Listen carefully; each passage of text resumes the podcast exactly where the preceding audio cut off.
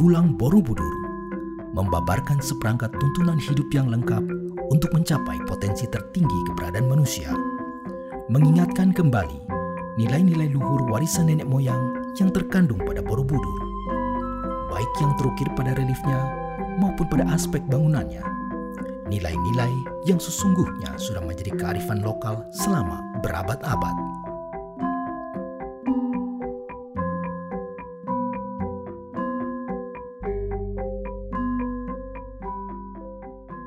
Langsung aja Pak Salim kita ke pertanyaan berikutnya yaitu hmm. tentang uh, ini ada dua penanya yang memiliki concern pertanyaan yang sama tentang Muara Zambi jadi saya akan uh, gabungkan. Hmm. Jadi uh, pertanyaan dari uh, saudari Neno Bariman dan saudari Sriana.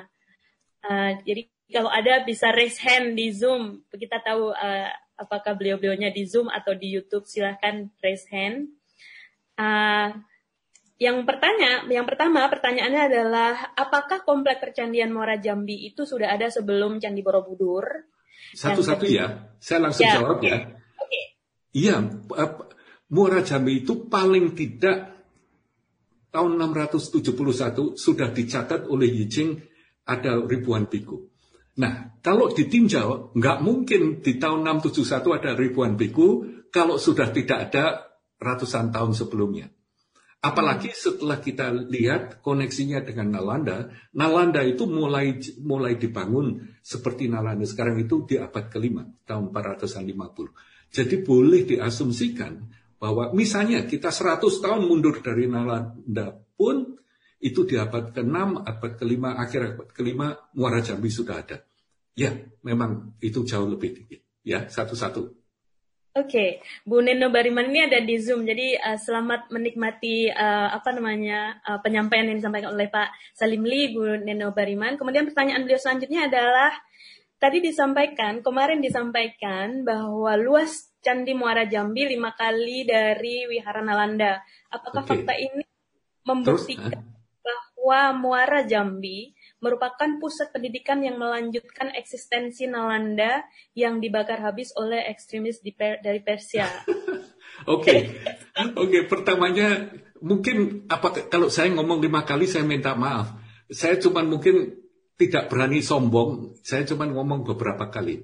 Bukan lima kali, tapi lebih dari 300 kali luasnya. Muara Jambi sekarang ini yang resmi dijadikan cagar budaya itu hampir 4.000 hektar. Itu kalau dihitung banyak, 3.900 berapa? 4.000 hektar yang terakhir. Muara apa Nalanda itu 12 hektar. Nalanda ini ukurannya masih pakai meter. 480 meter kali 300 meter itu 12 hektar. Muara Jambi ukurannya pakai kilometer panjangnya 7 km kali sekian. Jadi Muara Jambi itu 300, kalau kita hitung 4000 dibagi 12 gitu ya, kira-kira 350 adalah 300 300 kali lebih dari Muara Jambi. Jadi besar sekali kan ya. Ya. Hmm, nah, kalau dibilang meneruskan itu jelas tidak, karena memang dua itu meskipun bersangkutan, tapi perkembangannya sendiri-sendiri. Nah, hmm. Uh, ini betul dan akhirnya yang di India pun uh, hancur bangunannya, uh, tapi bangunannya juga nggak seberapa. Dan yang menarik malah dipugarnya Nalanda itu justru karena apa yang ditulis oleh pengunjung-pengunjung yang dari Tiongkok, yang dari mana, apa yang ditulis dari bukunya. Makanya diusut loh, ada tulisan semacam ini, apa ya? Karena waktu itu nggak kelihatan Nalanda. Lalu dikeduk ternyata ada. Sama juga kan di Muara Jambi. Mulainya dulu hanya manapo-manapo, hanya unggukan-unggukan. Orang tahu itu apa. Kita dulu nggak ngerti, makanya masih disebut apa candi segala macam. Apa ini saya dari dulu menganjurkan supaya paling tidak apa yang ditulis di Wikipedia ini mbok tolong diperbarui sebab ini apa informasinya tidak tidak up to date. Nah, iya. itu uh, jadi uh, bukan melanjutkan, tapi karena adanya berbarengan. Sebetulnya kelanggengan sesuatu itu seperti apa? gajah meninggalkan gading dan harimau meninggalkan belang yang sebetulnya kalau perlu dinilai dari kelanggengan dari institusi-institusi ini ini masih ada sampai sekarang luar biasa sekali dua-dua tradisi Nalanda dan tradisi dari Muara Jambi ini sampai sekarang sampai sekarang ini masih dipelajari nah itu yang patut kita hargai mengenai bangsa kita ini bangsa pandai bangsa pinter bangsa pengetahuan, bangsa yang terpelajar. Dari dulu sampai sekarang. Makanya ya jangan baca koran, baca apa berita yang mengatakan kita ini begini-begini yang kelihatannya enggak begitu pandai. Kita ini bangsa pandai. Hmm, ya. Kalau mau lihat buktinya, buktinya apa Yuli ini.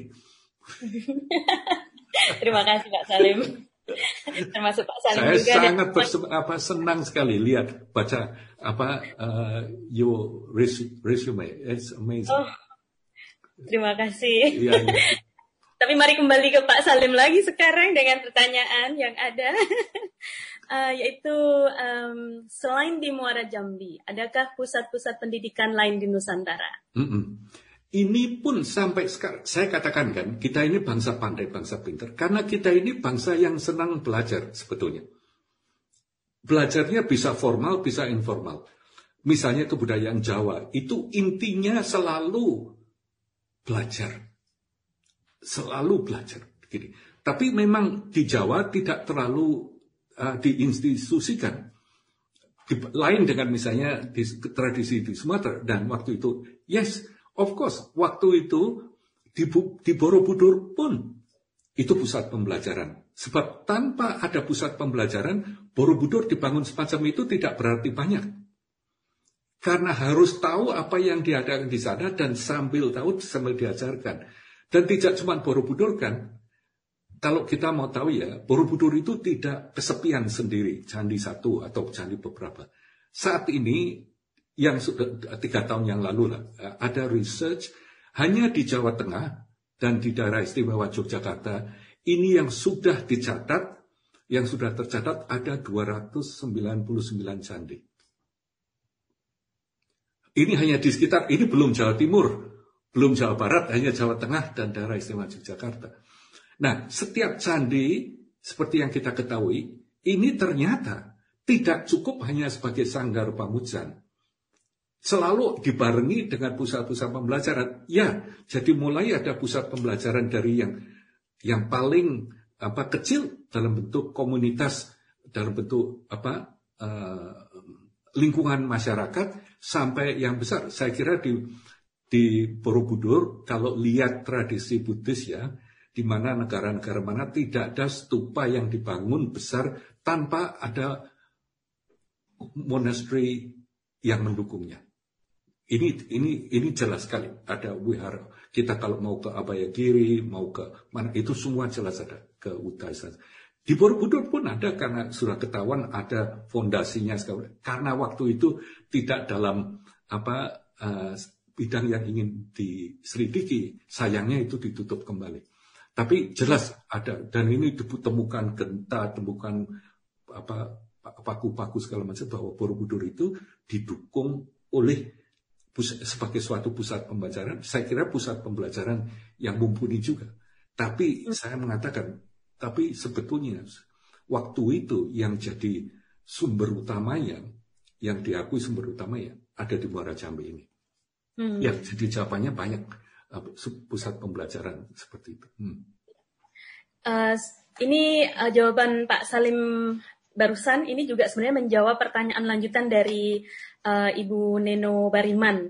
Jadi saya pikir uh, pertanyaannya sudah terjawab dan saya akan melanjutkan lagi ke pertanyaan yang masih tentang Muara Jambi tapi lebih kekinian. Jadi yang ditanyakan adalah yang sering terpikir uh, oleh penanya di sekitar Maha Wihara Muara Jambi maupun di Jambi secara keseluruhan sulit ditemukan atau terdapat biku atau biksu yang dulunya ribuan. Mungkin pertanyaannya kenapa begitu? Oh, ya. sebetulnya kan begini, ya. Segala sesuatu itu ada karena ada manfaatnya. Hmm. Kalau sesuatu sudah tidak ada manfaatnya atau kurang ada manfaatnya, mestinya berkurang. Ya kan? Dengan sendirinya. dulu kamera to still ini perlu untuk ambil foto. Sekarang berkurang banyak karena orang pakai begini. Begitu juga begini. Tapi dasarnya ini kan begini.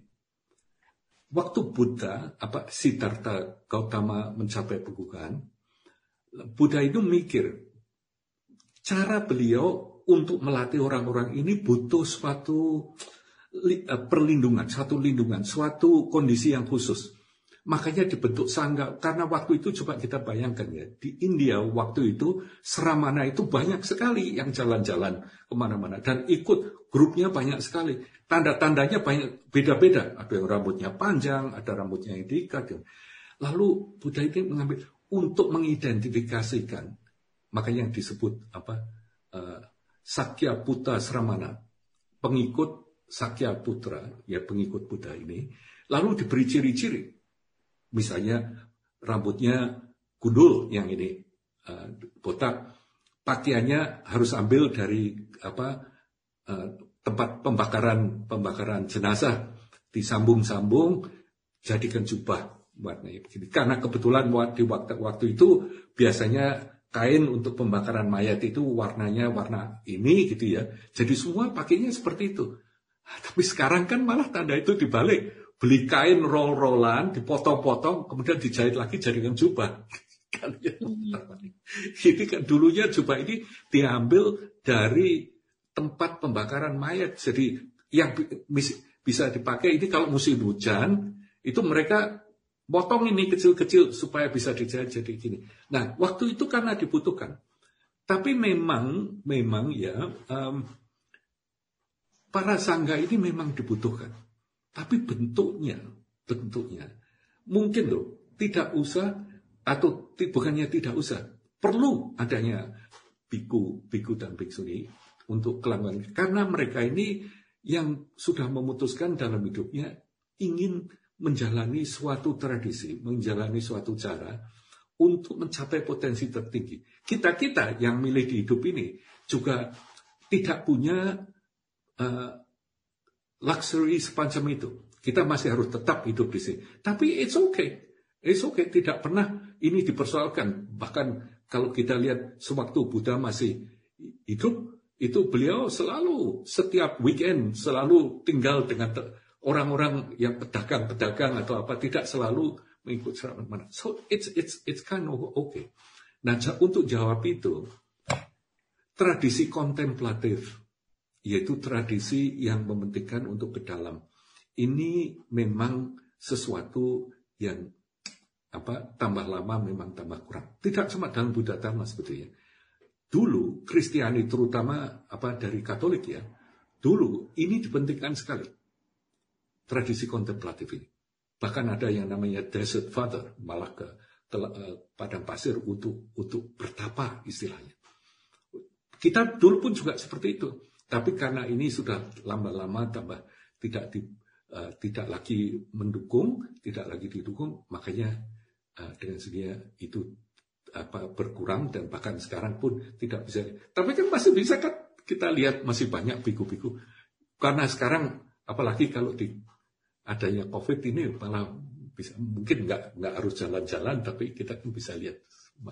Jadi apa itu bukan suatu tanda kalau turunnya atau jayanya ini dengan jumlah bikunya, itu karena situasi dan kondisi sekarang pun mungkin loh, mungkin uh, sangga sangganya itu justru seperti kita kita ini apa yang mendukung, tapi sangga yang punya waktu dan punya karma untuk jadi biku atau biksu ini luar biasa sekali karena mereka mendedikasikan situ. Jadi sebabnya mungkin kita nggak tahu persis, cuman dari pengamatan jelas sesuatu yang tidak lagi dibutuhkan, sesuatu yang tidak lagi uh, mendukung sesuatu, itu dengan sendirinya akan pudar. Ini prinsip anitya, right? Anicca. So it's it's okay.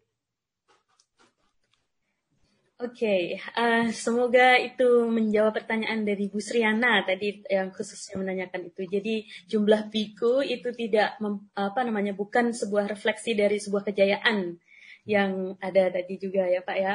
Hmm. Kemudian uh, menuju ke pertanyaan berikutnya itu dari saudari Nur Nur El Gia, uh, beliaunya mengikuti di YouTube. Uh, pertanyaannya adalah tentang kebajikan. Ada berapa jumlah kebajikan yang diajarkan di Borobudur, Pak Salim? Silakan. Semua Borobudur dari bentuknya sampai ukirannya semua itu ajaran kebajikan.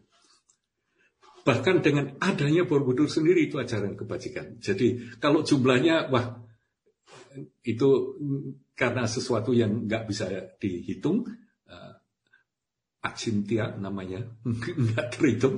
Tapi yang jelas semuanya itu inti dari Borobudur adalah ajaran tentang kebajikan. Mengapa? Karena hanya dengan kebajikan ini, hidup kita ini bisa berarti, bisa bermanfaat. Dan karena hidup ini berarti dan bermanfaat, kita ini bahagia. Ini jalannya. Ya. Hmm. Oke, ini pesannya. Itu, hmm. ya.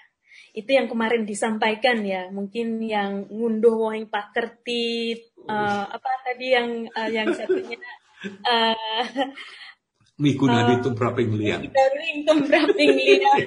Dalam bahasa Jawa agak sulit. ya itu. Uh, dan jalan-jalannya menuju ke kebahagiaan yang kemarin. Semuanya nanti menuju ke situ. Hmm. Hmm. Oke, okay. uh, terima kasih uh, Bu Nur atas pertanyaannya. Terus kemudian kita menuju ke pertanyaan berikutnya itu dari saudari Weli Weli, Weli Willianto. Beliaunya mengikuti di Zoom kemarin Apakah hari ini ada? Silakan raise hand. Jadi uh, semoga bisa mengikuti penjelasan yang akan disampaikan.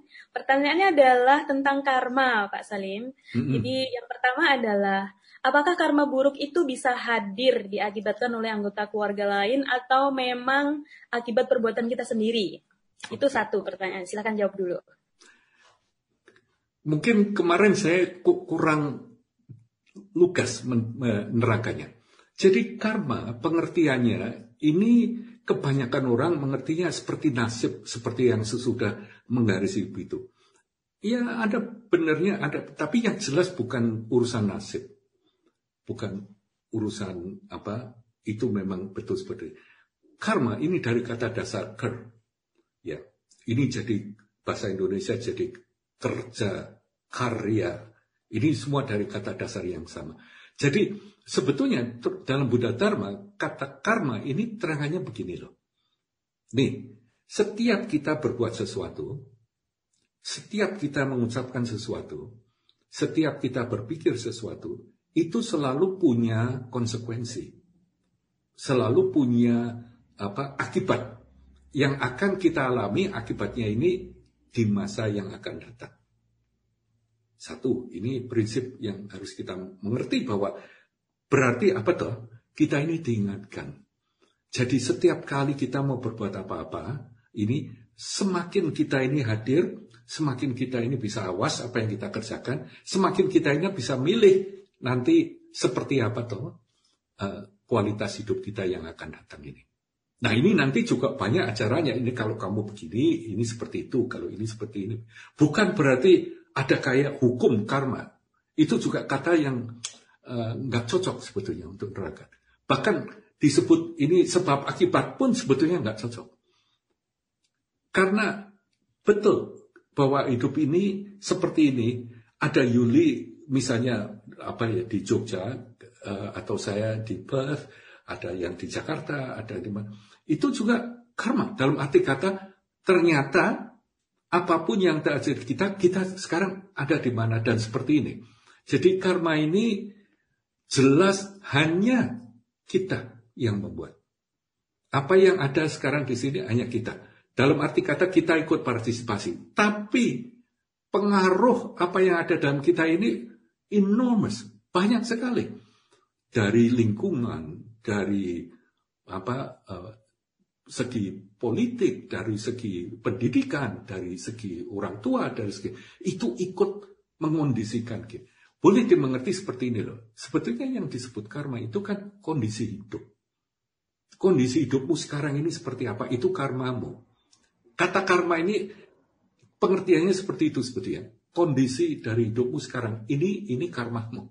Tapi mengenai apa-apa dan karma ini salah satu ya yang uh, dijelaskan ada beberapa salah satu yang yang perlu diingat ini bahwa kita ini kalau kita berbuat sesuatu itu jelas dipengaruhi dengan sesuatu yang sudah lewat mungkin dalam bentuk kebiasaan kita kecenderungan kita dan apa yang akan kita lakukan ini memperkuat kecenderungan kita memperkuat kebiasaan kita.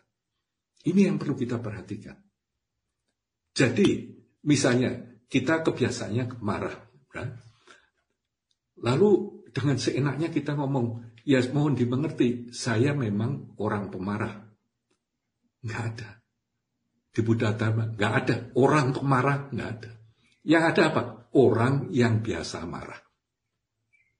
Hanya kebiasaan marah. Nah, kebiasaan marah ini karena ada situasi dan kondisi. Sebab apa? Karena kalau kita tahu sebabnya, kalau kita tahu jurus-jurusnya, ternyata marah ini tidak pernah, saya ulangi, marah ini tidak pernah menolong dalam situasi apa pun.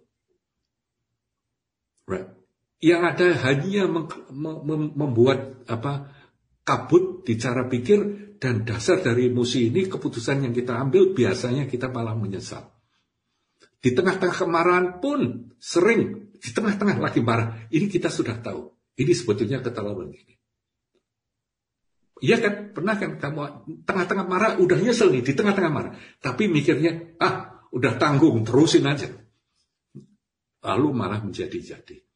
Nah ini bukan karena, ini apakah karma? Yes. Karena apa? Kebiasaan marah tadi.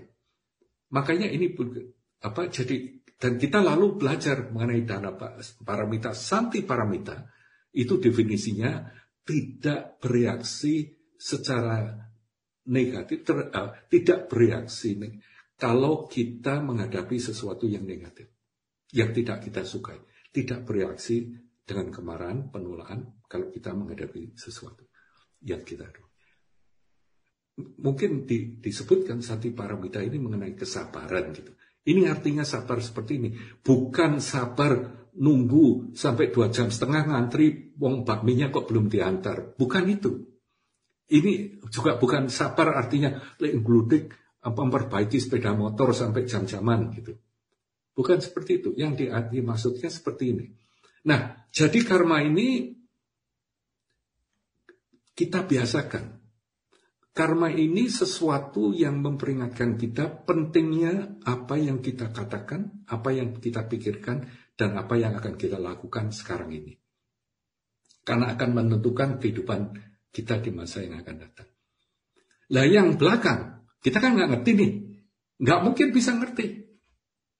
Apa yang ada. Karena begitu banyak apa pola-pola yang mempengaruhi kehidupan kita se se sekarang ini. Makanya it's fine. Karena itu memang hidup semacam itu. Makanya di Maha Karma Wibangga apa Mahakama Wibangga Sutra ini di Pali ada juga ada di Madhyama Agama. Buddha ini ngomong nih ada orang yang uh, intinya urusan karma udah kamu nggak usah ngurus dah. Ini sebabnya perbuatan apa? Ini sebabnya yang itu itu kamu tinggal itu biar kita kita buta-buta yang ngurus. Untuk kalian yang penting kalian jaga nih sekarang nih hidupmu. Gini. Dan ini loh. Lalu tidak lalu cuma dibiarkan. Ternyata dalam Buddha Dharma diajari seperti karma wibangga. Kemarin apa orang ngomongkan ingin bunuh gini-gini lalu di, di sebelah kanan di sebelah kiri ada gambarnya orang mati gini. Bukan berarti jangan membunuh. Apa, nggak pernah seperti itu. Ini kalau kamu berbuat seperti ini, ini akibatnya seperti itu. Loh kok ngerti? Ya, ya kalau mau dipercaya ya monggo, enggak ya apa Cuman ini orang kan jelas yang bisa ngerti. Intinya apa sih? Seperti jangan membunuh, apa bukan kata itu kok. Hargailah kehidupan. Yang sila bilang tidak mengambil kehidupan makhluk termasuk janin.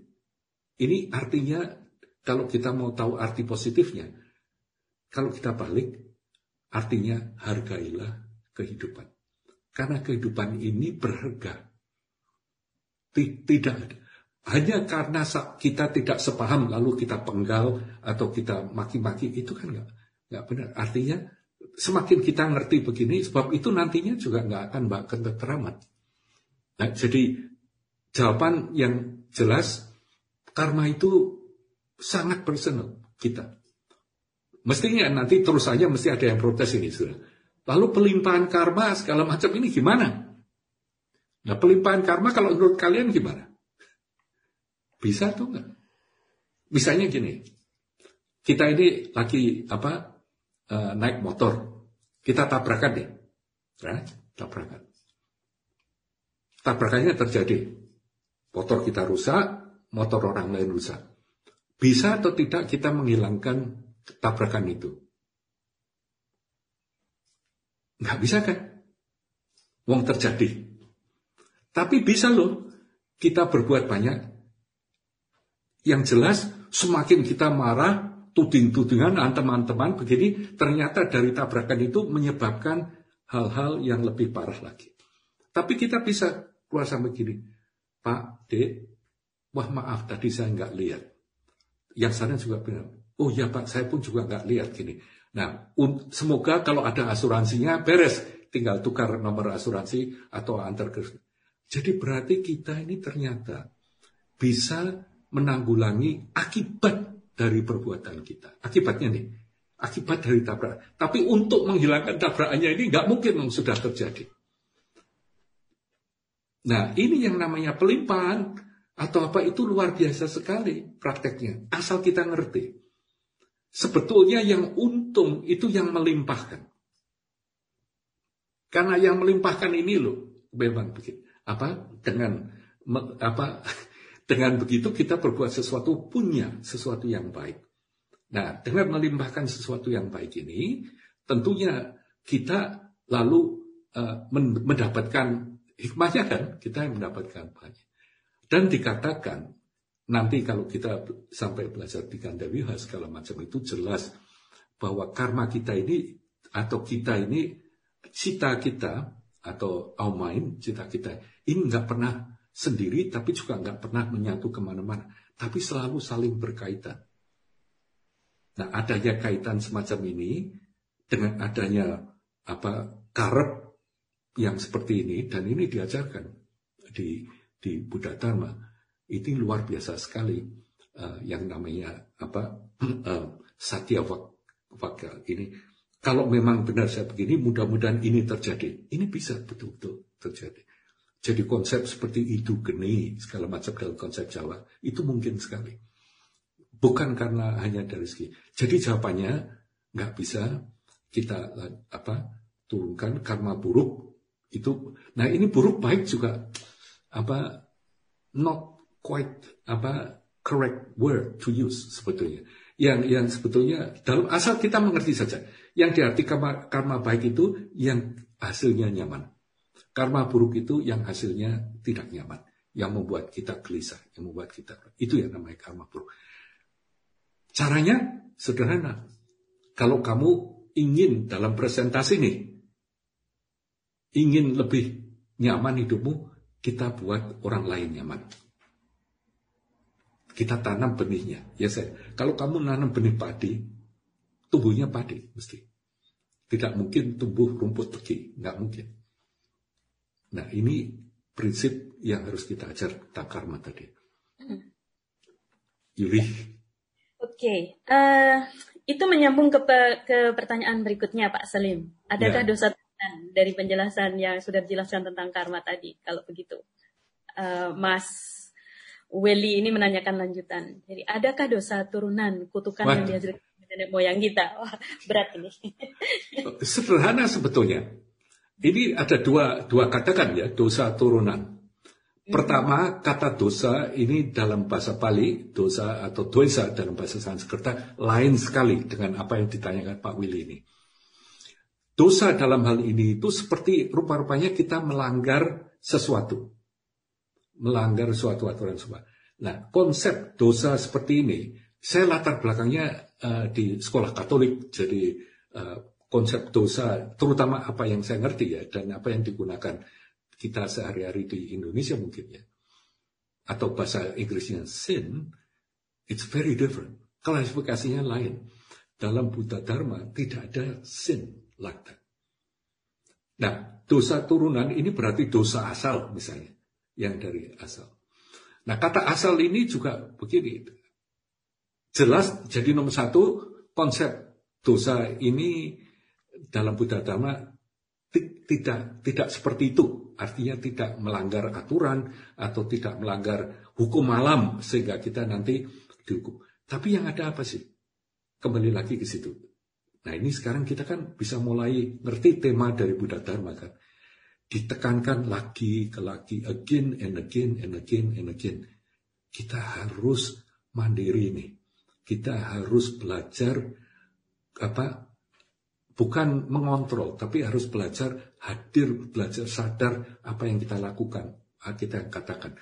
Temanya seperti ini nanti tekniknya. Kembali lagi mengenai dosa. Jadi nggak ada apa konsep dosa yang dilanggar. Mengenai turunan, asal katanya ini dalam arti kata bukan turunan dari orang tua turunkan ke kita, no. Tapi kita yang nyangking, kita yang membawa dari dulu. Sebab prinsip asal ini dalam Buddha Dharma juga dianggap incoherent, tidak koheren. Tidak sesuatu itu tidak dulunya tidak ada apa-apa terus pum bisa ada apa-apa ini nggak mungkin. Harus ada pratija pada ya kan. Ini ada, itu ada. Ternyata memang benar nih. Yang dulu dikatakan Big Bang ternyata terbuktikan nggak satu Big Bang kan. Ada puluhan Big Bang. Nah, puluhan Big Bang itu dulu mulainya dari mana? Akhirnya nggak bisa diterangkan. Makanya dalam Buddha Dharma yang diterangkan, ini ada beberapa yang memang tak berawal. Dan juga tak berakhir. Dalam arti kata. Nah, dikatakan dalam beberapa teks, uh, terutama nanti yang untuk wahana bersama itu yang disebut Mahayana teks, ini diterangkan bahwa misalnya merasa bahwa ada salim yang apa utuh yang berbeda dengan yang lain ini kebiasaan atau pemikiran semacam ini rupa-rupanya dari masa tak berawal kita sudah selalu merasa seperti ini. Jadi ini susah sekali untuk dihilangkan, makanya sangat beruntung kita bisa paling tidak mulai mikirkan apa ya seperti itu. Lah mulai pakai bukti-bukti kan, apa kalau kita 24 jam sehari 7 jam seminggu, 7 eh, hari seminggu ingin happy kok ternyata nggak happy. Mungkin loh, mungkin. Yang salah itu ternyata identitas penerimanya. Nah ini semacam ini. Jadi dosa turunan, no. Tapi pembawaan dari asal mulai, yes. Bahkan, ini ini juga nggak bisa dibuktikan, bahkan diceritakan dalam ajaran, hati-hati. Karena apa yang kita lakukan di sini, tindakan, perkataan, maupun apa uh, pemikiran itu akan punya tilasan kan ya segala sesuatu kita akan itu nanti nanti kita akan membicarakan ini secara khusus kalau sampai di uh, di Gandawia. Ternyata apa yang kita alami itu meninggalkan seperti tilasan di dalam tempat sisa. Ini loh nanti yang kita bawa tilasan-tilasan ini. Ini nanti yang nantinya memicu kita. Ini seperti tadi daya kebajikan daya Maka pentingnya memper, apa, daya kebajikan ini karena kalau isinya yang di dalam daya kebajikan ini kita mulai sedikit demi sedikit bisa mengatasi kedungungan kita, ke, kebingungan kita, kita bisa melihat apa yang ada, kita mulai menjadi nyaman. Tidak berarti kita lebih kaya, lebih terkenal, lebih berkuasa. No. Tapi apa yang terjadi? Kita lebih tahu bahwa sangat mungkin bahagia dengan apa adanya. Bahkan kalau dibalik, bahagia itu tidak mungkin dicari, tidak mungkin dicari. Karena yang namanya bahagia itu nanti kita akan bersama-sama menyimpulkan itu adalah akibat dari tindakan-tindakan kita yang seperti ini. Bahagianya akan muncul sendiri. Nggak bisa digayuh. Nggak bisa di, dikejar. Kalau dalam bahasa Jawa atau perwayangan seperti wahyu. Wah, tidak bisa tiga. Itu akan turun sendiri. Yang perlu diajak pirantinya. Alatnya. Kitanya yang kita sediakan. Kita yang jalan. Ini nanti makanya untuk karma, karma turunan, oh, uh, tidak seperti itu, tapi membawa karma, bawa tilasan-tilasan ini, ya. Makanya banyak hal yang kita alami kadang-kadang kita nggak ngerti. Tahu-tahu kok bisa begitu ya. Nah ini kalau kebanyakan kita selalu bantu yang lain, buat kebajikan, kita kadang-kadang bingung, kok banyak ya orang baik. Kok bisa saya untuk begini? Ya kan? Tapi kalau kita isinya iri hati, dengki, komunikasi gini, apa yang dialami dalam hidup? Wah, kok ditipu lagi? Kok curiga orang ini? Ini loh, ini yang perlu kita perhatikan. Oke? Okay?